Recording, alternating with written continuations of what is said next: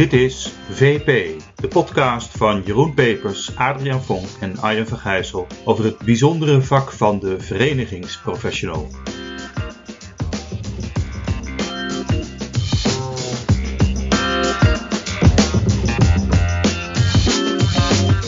Ja, luisteraars, hartelijk welkom bij alweer een nieuwe podcast van de Verenigingsprofessional. We hebben een maandje overgeslagen, mannen.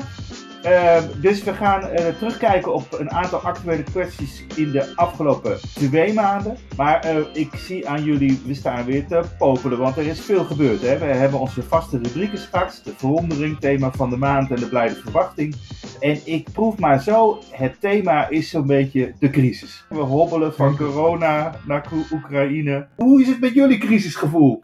nou, er is wel wat aan de hand in de wereld, ja. Het, is wel, ja. het houdt ons wel bezig. Het is echt ongelooflijk wat er gebeurt. Hè? Dus, uh, en je, je, merkt het ook aan alle kanten. Hè? Dus uh, we merken het natuurlijk allemaal in de, in de energieprijzen, merkten we al. Maar ja, in heel veel branches merk je nu ook gewoon ja, leveringsonzekerheid. Hè? Dus de grondstoffen die niet meer doorkomen. Ja. Wel echt zorgelijk. Altijd als er iets met olie is, dan komt er ook iets economisch achteraan. Hè? Gisteren hoorde ik al een stukje op de radio over Joop den Uyl. Die aankondigde dat er autoloze zondagen moesten komen. Nou, zover zijn we nog niet. Hè? Dus dat we nee. Rutte al in een persconferentie een vaderlijke toespraak hebben horen houden. Maar zoals met corona uh, twee jaar terug. Maar dat, uh, we zitten er wel dicht tegenaan, uh, voel ik zo. Ik denk het ja. ook. Ja, het, laat, het laat overigens ook zien de ongelooflijke afhankelijkheid van al die ketens over de hele wereld. Van, van grondstoffen van, uh, van, van overal vandaan. Ja. Dus ja, de vraag is of dat niet een soort trigger uh, zal geven. Dat was bij corona al zo. Ja, ik, ja. ik vond het heel verbazingwekkend dat van de week het IMF zei van... Uh, nou, qua economische groei zal dat wel meevallen. Het effect van, zeg maar, kaltstellen van Rusland uit de wereldeconomie. Maar jongens, de Oekraïne is, is, is de graanschuur voor Afrika. Nou, dan heb je het al over voedsel. Je hebt het over de, de,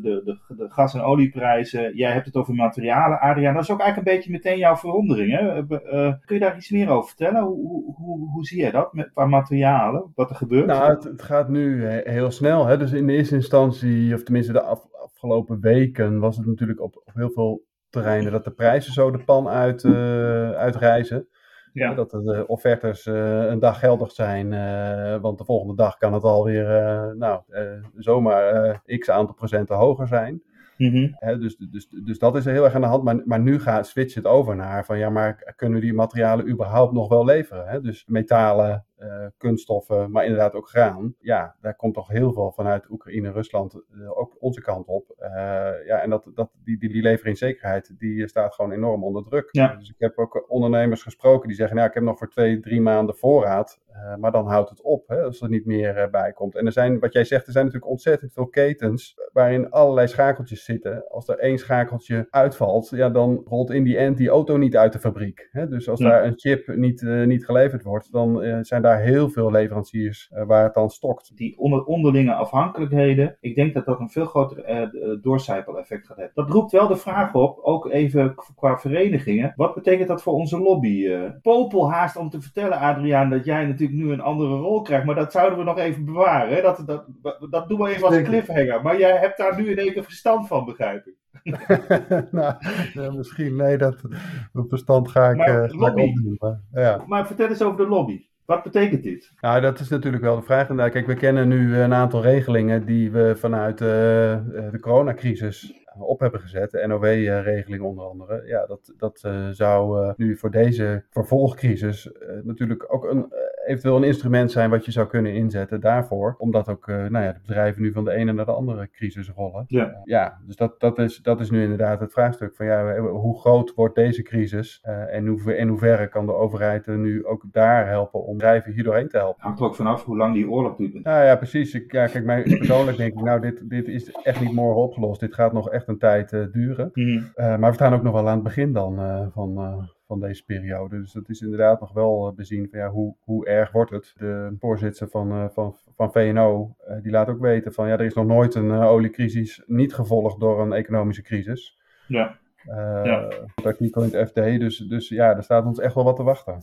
Ja. Maar je bent nou al het gras voor jouw voeten weg, Jeroen, qua verwondering. Zo van, je kan eigenlijk niet over iets anders druk maken dan over Oekraïne. Of had jij nog iets anders? Ik, ik had nog wel wat anders, ja. Want uh, natuurlijk, Oekraïne uh, overschaduwt veel. Uh, maar tegelijkertijd uh, laat de crisis van corona, maar ook de klimaatcrisis, stikstofcrisis, gewoon zien dat we echt uh, stevig moeten nadenken over Nederland. Nou, het is mooi dat VNO met MKB ook met die houtskoolschets bezig is over de inrichting van Nederland en echt wat er nodig is om, om, om Nederland ja, weerbaar te maken voor crisissen en ook economisch duurzaam. En dat, nou, dat vind ik op zich een hele goede, goede stap. Ik denk ook dat het nodig is. Leg eens even voor de luisteraar uit, wat is, wat is die houtskoolschets? Want misschien weet niet iedereen dat. Nou ja, die, het, het gaat, in feite heeft uh, Sibylle Dekker, uh, wat was het ergens in 2007 of zo, in ieder geval uh, jaren geleden afgekondigd dat die ruimtelijke inrichting van Nederland, daar hoefden we niet meer landelijk iets over te doen. Dat zou allemaal decentraal worden vormgegeven, want landelijk waren we klaar we waren wel klaar. En uh, je ziet dat, uh, dat, dat dat toch niet het geval is. Iedereen uh, ziet die, die dozen verschijnen in het landschap. Met allerlei voorraadschuren, maar ook nou, de, de, de, de terminals van Facebook en Google poppen overal op. Um, en, en er liggen heel veel vraagstukken over niet alleen woningbouw, maar ook qua bedrijventerreinen en klimaatoplossingen met windmolens enzovoort. Ja. Dus je moet er echt weer nadenken over wat is verstandig. Uh, waar kunnen we in ons kleine land uh, slim uh, gebruik maken van de ruimte? Ja, dus eigenlijk ruimtelijke ordening is gewoon weer helemaal terug op de agenda. En ik denk ik heel erg nodig voor, voor een aantal van, van die crisissen, omdat we ja, we gaan er niet uitkomen als we niet slim verbinden. En dat, is dan vanuit alle brancheverenigingen die zeg maar onder de paraplu van VNO vallen? Ja, ja. Oké. Nou hebben we een zeer activistische minister voor ruimtelijke ordening. Gaat dat goed bij hem landen of heeft hij ons alweer ingehaald met vier of vijf eh, programma's en actieprogramma's nou zoals we dat van hem gewend zijn? Hij is natuurlijk een enorme uh, energieke minister, wat, wat ik hartstikke mooi vind. Uh, ik denk dat hij, want dat is niet alleen energiek, maar hij zoekt ook heel erg partnerschap. En ik denk dat hij dit soort vergezichten juist omarmt. Hij is natuurlijk ook van, bekend van de Man on the Moon. Hè? Dus uh, stel een doel en, en werk dan met elkaar, met partners naar, uh, naartoe. En ja, zo'n houtskoolschets is natuurlijk een soort Man on the Moon. Dus... Oh ja, dat is waar, waar hij zoveel kritiek op kreeg. Ja, op, beetje, in de evaluatie van corona. Dat hij zeg maar te veel, zeg maar, een soort lonkend perspectief waar je nog helemaal niet aan kan voldoen. Ja, dat zet mensen zo zodanig in beweging. Ja. Het is toch wel grappig dat we een minister-president hebben die niet van visies houdt. Maar we hebben gelukkig wel de minister van, uh, van Vrouw die, uh, die van de Man on the Moon houdt. Dus gelukkig is er iets van visie in het kabinet. Daar ben ik blij mee. Ja. Dan nog even misschien mijn ja. verwondering. Ja. Want, nee, ik durf ook haast niks meer te zeggen. Heb je nog tijd uh, tussen al je vlogs en zo? Ja, zeker. Ja, zeker. Er, er, er, wordt heel veel nagedacht tussen de vlogs door. Een fenomeen waar ik me de laatste tijd wat druk over maak in het kader van mijn, werk als lobbyist. Ik ben zelf econoom hè, en heel klassiek is het zo dat je de, de maatschappij en de economie beïnvloedt door uh, wet en regelgeving, de overheid als marktmeester, en door subsidies uh, uh, of, of, impulsen die je geeft, of via de belastingen, dat je de, de, de uitkomsten van, van de maatschappij beïnvloedt. en ik merk nu heel sterk dat er een soort, is, dat is, niet, dat is niet dat het nieuw is, maar het is wel iets wat een beetje een soort revival doormaakt, dat we elkaar helemaal dood aan het gooien zijn met rapportageverplichtingen. Dus dat is een soort nieuw instrument, dat je tegen elkaar zegt van ik wil van jou precies horen hoe jij je bedrijf uh, hebt uh, opgezet, welke grondstoffen je gebruikt, of je ze wel lokaal inkoopt. En dat is een hele sterke druk op dit moment vanuit Europa. Dus Europa heeft met alle duurzaamheidsinitiatieven, zijn heel, is heel erg druk bezig met allerlei richtlijnen die dus dat weer straks nationaal geïmplementeerd moeten worden. Uh, allerlei uh, bedrijven, midden- en kleinbedrijven, maar ook grote bedrijven, moeten voldoen aan allerlei rapportagevereisten. En dat is dan het middel, het tovermiddel om te zorgen dat ze duurzamer gaan worden. En dat ze uh, nou, bijvoorbeeld meer lokaal gaan inkopen. En, en ik, ik vind dat een zorgwekkende trend.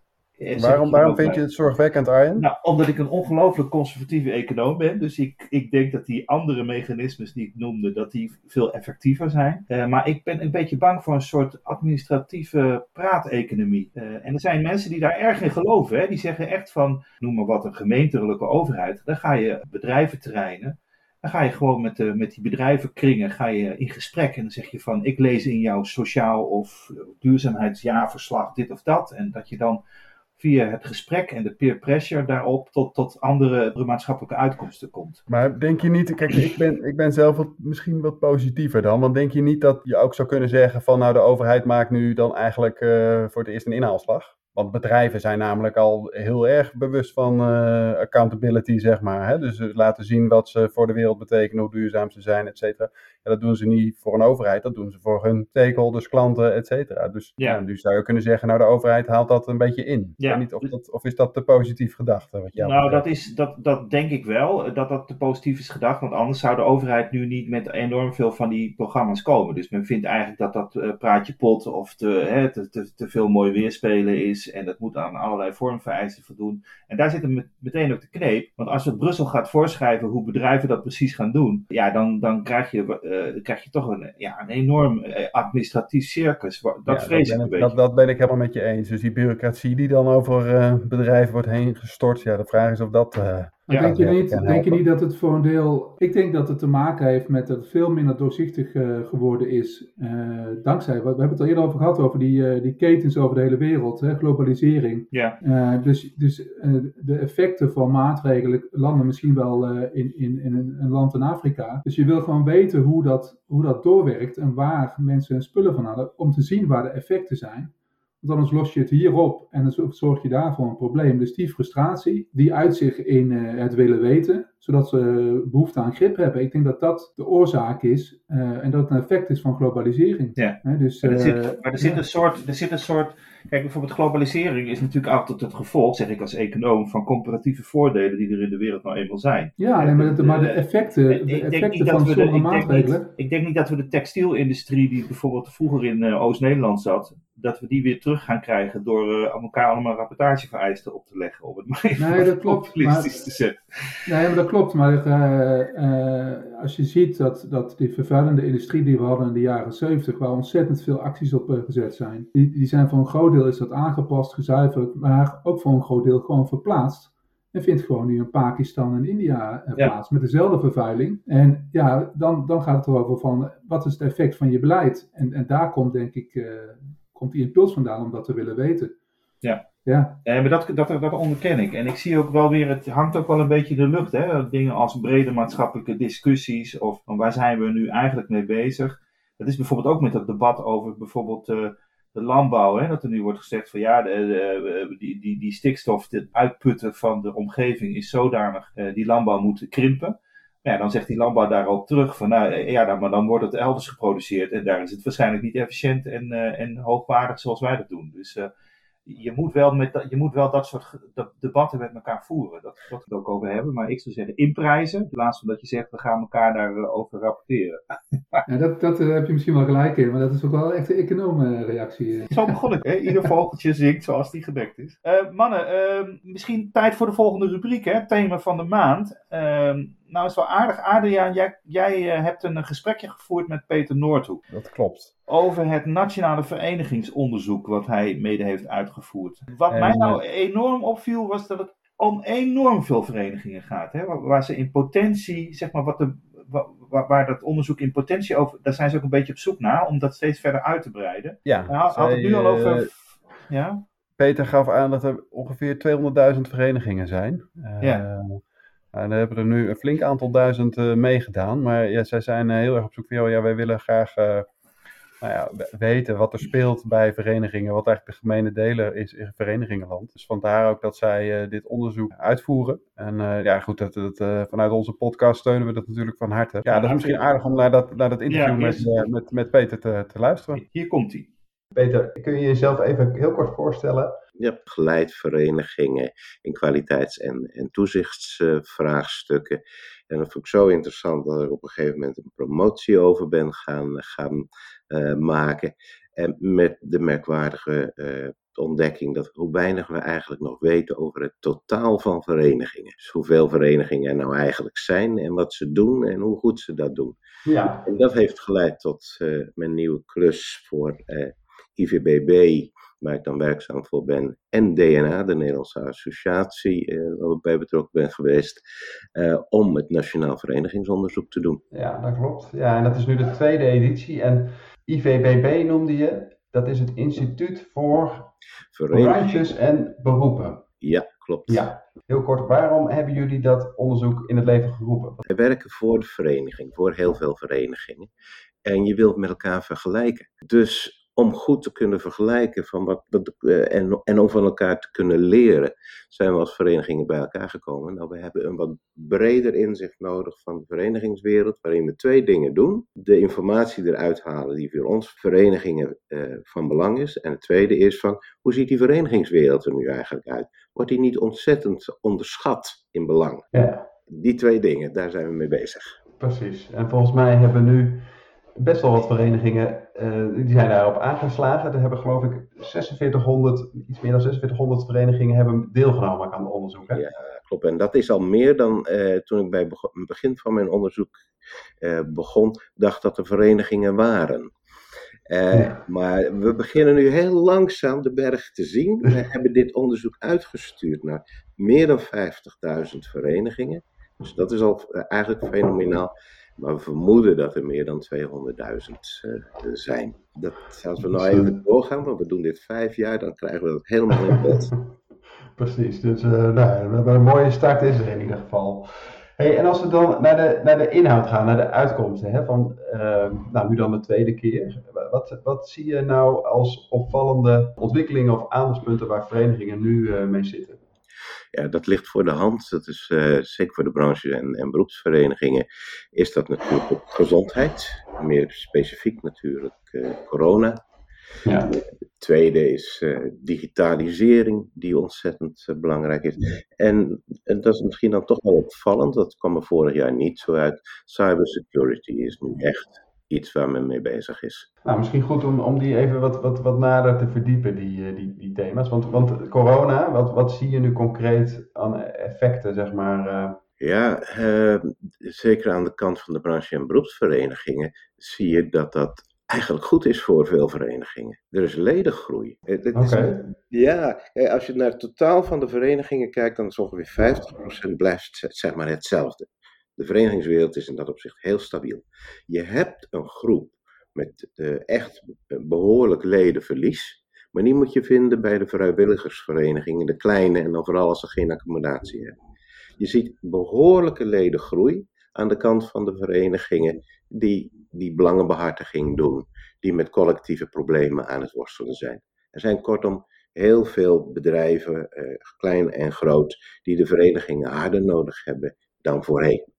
Oké, okay. dus dat is eigenlijk gewoon echt een één op één effect die jij, wat jij ziet waarvan je zegt, nou de, de economische situatie is nu zo dat een samen vuist maken, samen optrekken dat, en hulp zeg maar voor, de, voor, voor, voor bedrijven uh, des te meer nodig is. En dat, is, dat verschilt natuurlijk een beetje van vereniging tot vereniging. Ik heb er ook wel een waarschuwing bij.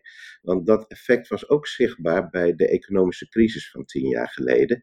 En dan zie je na ongeveer twee, drie jaar dat die ledenaantallen weer omlaag gaan. Nee, het is heel mooi voor de meeste branche- en, en beroepsverenigingen dat ze nu uh, groei zien in het verlengde van corona. Het enige wat ik erbij wil zeggen is van pas op voor het effect als zo meteen de economie weer hersteld is en iedereen denkt dat ze het weer zonder de verenigingen kunnen gaan doen. Dus we houden dat ook met het onderzoek goed in de gaten. Want voor je het weet laat je een mooie kans liggen om leden aan je te binden. Ja, precies. En die digitalisering, die cybersecurity, die is ook wel opvallend dat die er zo uitspringt. Nou, we hebben dus gewoon gevraagd van uh, wat voor thema's houden jullie uh, je mee bezig? Uh, en dan is dit een van de dingen die er bovenuit uitstrekt. Dat je digitalisering, dat die doorgaat, dat is logisch. Cybersecurity, daarin zie je dan dat allerlei maatregelen worden genomen. En gewoon het feit dat veel verenigingen uh, zich veel zwaarder moeten uh, bewaken tegen hacks en andere zaken, dat ze daar echt mee bezig zijn. Dus dat ja. komt hoger op de agenda. Nee, maar de, de, verenigingen worden erop aangesproken om dat te organiseren. Ik zie, dat, ik zie het aantal hacks niet uit deze cijfers te, tevoorschijn komen. Het zou wel een interessante vervolgvraag kunnen zijn. Maar ja, het, het, is logisch dat er naar de verenigingen zelf in de koepels wordt gekeken om daar een soort voortouw in te nemen. Hey, en wat ik zelf, want ik heb natuurlijk zelf ook even gekeken naar de, wat, de, de, highlights zeg maar, van het onderzoek. Wat ik uit vond springen was ook het, het woord trots. Ja, uh, we hebben alle mensen uh, in het onderzoek gevraagd om ook uh, niet alleen maar vakjes in te vullen, maar ook teksten te schrijven. Enorme trots op het eigen relevantie. En ja, dat wil men ook veel breder nog uitvinden. Wel een beetje een Calimero soms, die, die verenigingswereld. Dat, is, dat ze zich ook wel wat klein maken en ook niet zo heel luid zijn over waar ze tegenaan lopen.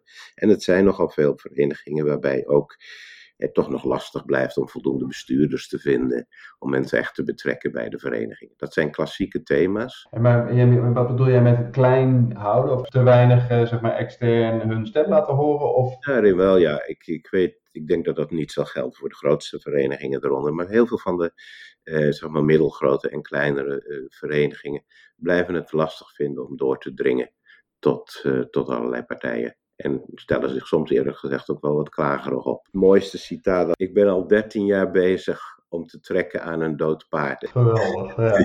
Gelukkig zijn er heel veel andere verhalen over. We hebben een prachtig verhaal van scouting. Waarbij je dan eerst de, de, weerstand hoort tegen al die regelgeving die over ze wordt uitgegooid.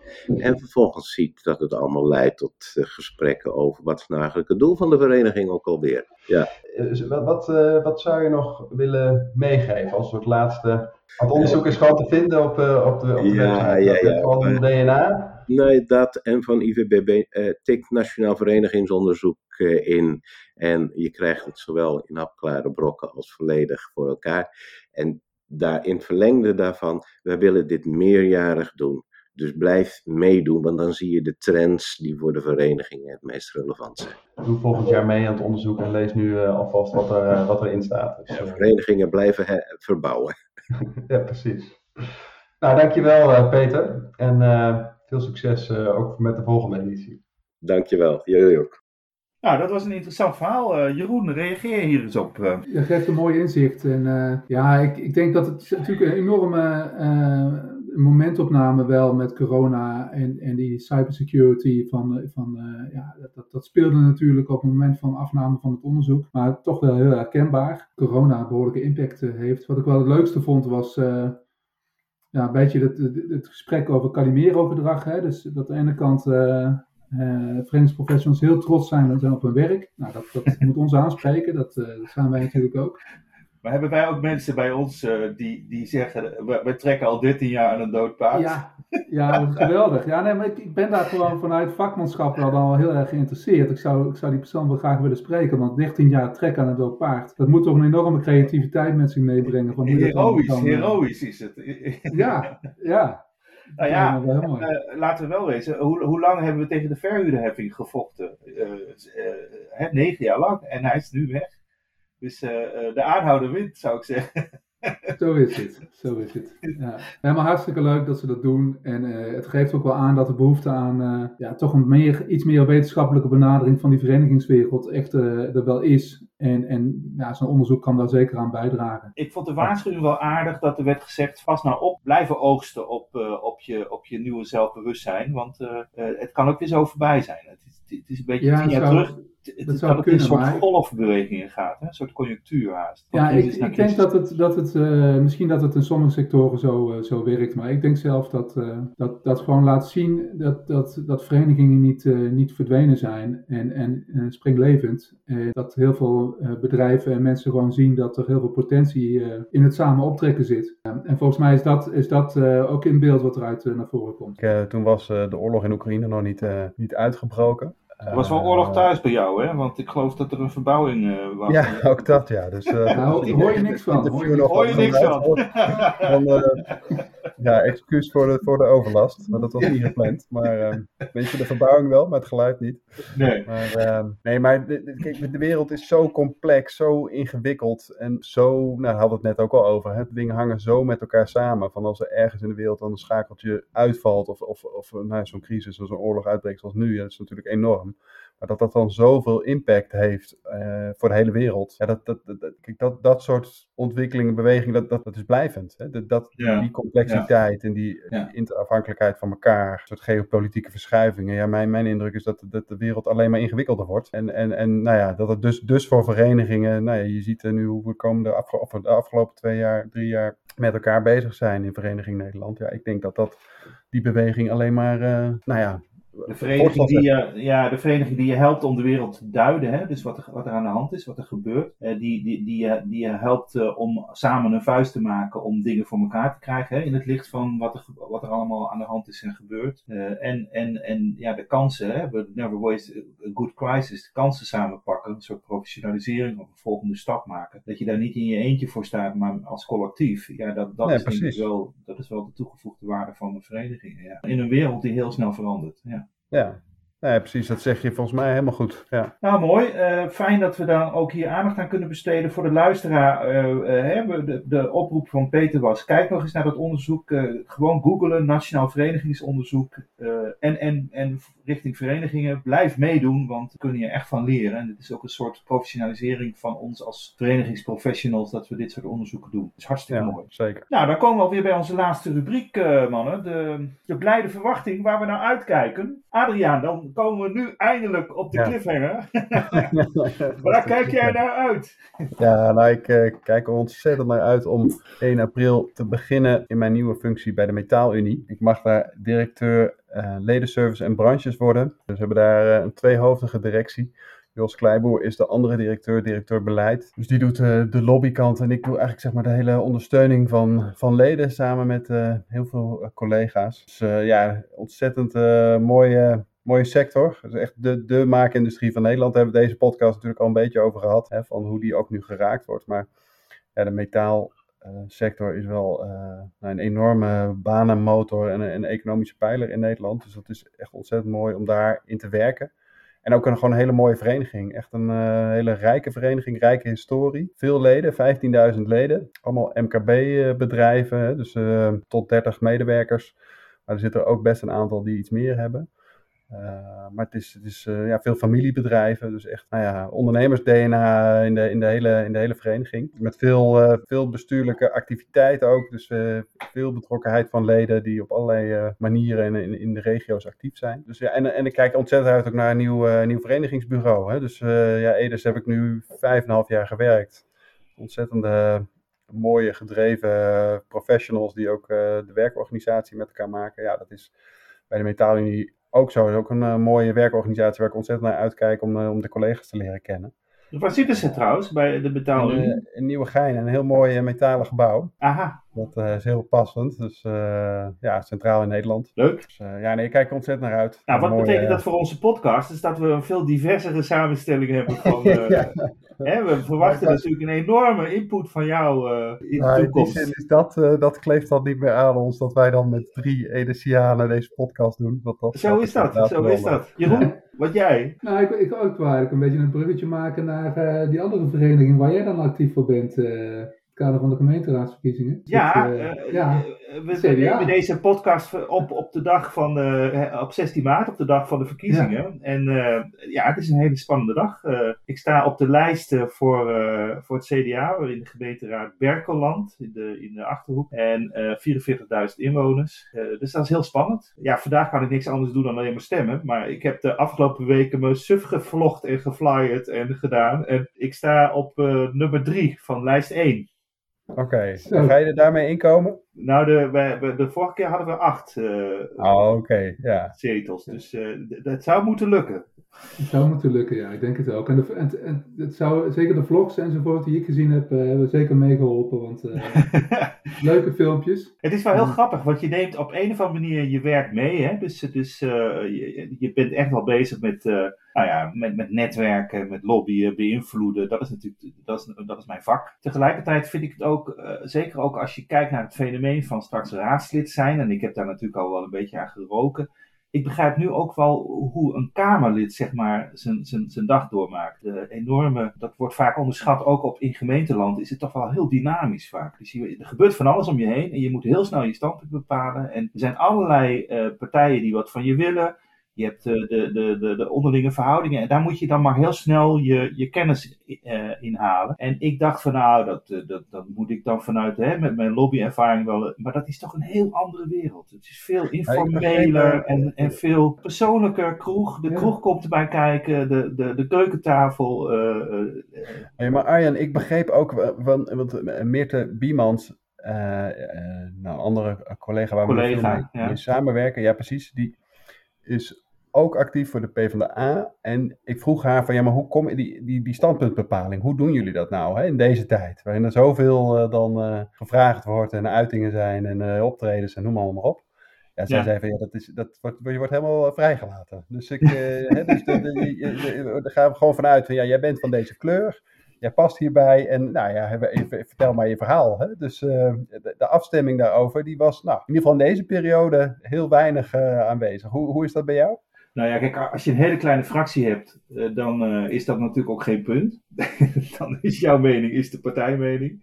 Wij hebben een grotere fractie, dus met zijn met z'n achten. Uh, ja, je merkt toch, toch, toch dat het heel erg uh, gecentreerd is bij een fractieleider. Die, die toch wel de lijnen heel duidelijk uitzet. En uh, de rest volgt dat toch meer. je hebt het programma, hè? Toch, Ja, je hebt natuurlijk je, je collegeprogramma, je hebt je verkiezingsprogramma. Maar ja, hij, hij, hij of zij is dan de, zeg maar, de grote man die de debatten, of vrouw die de debatten voert. En, en, en in de raad zelf. Dat, dat is iets wat ik nog echt moet gaan leren. En, en ook ben ik ook heel benieuwd benieuwd naar hoe dat inderdaad gaat. Want dan heb je natuurlijk woordvoerderschappen, maar hoe, hoe je dan zo snel je standpunten bepaalt, dat is, een, uh, ja, dat is inderdaad een informele proces dan, dan inderdaad, dat, dat herken ik wel, wat, wat, uh, wat zij daarover zegt. Ja. Ja. ja, maar binnen een vereniging gaan we dan gewoon een heel proces, hè? ledenbijeenkomsten ophalen, ja. bestuurlijk bespreken, stakeholders, voordat je tot een standpunt bent. Nou, hè, dan, dan hebben we het eerst...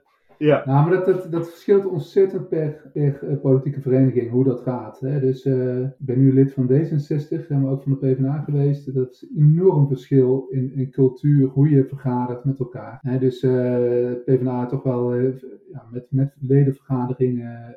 strakker. Ja. Met elkaar, standpuntbepaling. Mm -hmm. daar, daarbij zijn die ledenvergaderingen eigenlijk moeilijker dan raadsvergaderingen. En dan word je echt het vuur in de schenen gelegd. Ja, D66 is ook snel naar de borrel. En uh, gewoon gezellig netwerken. Ik snap wel waarom jij daar zit. Ja, je moet op een gegeven moment een switch maken. Hè? Dus, uh...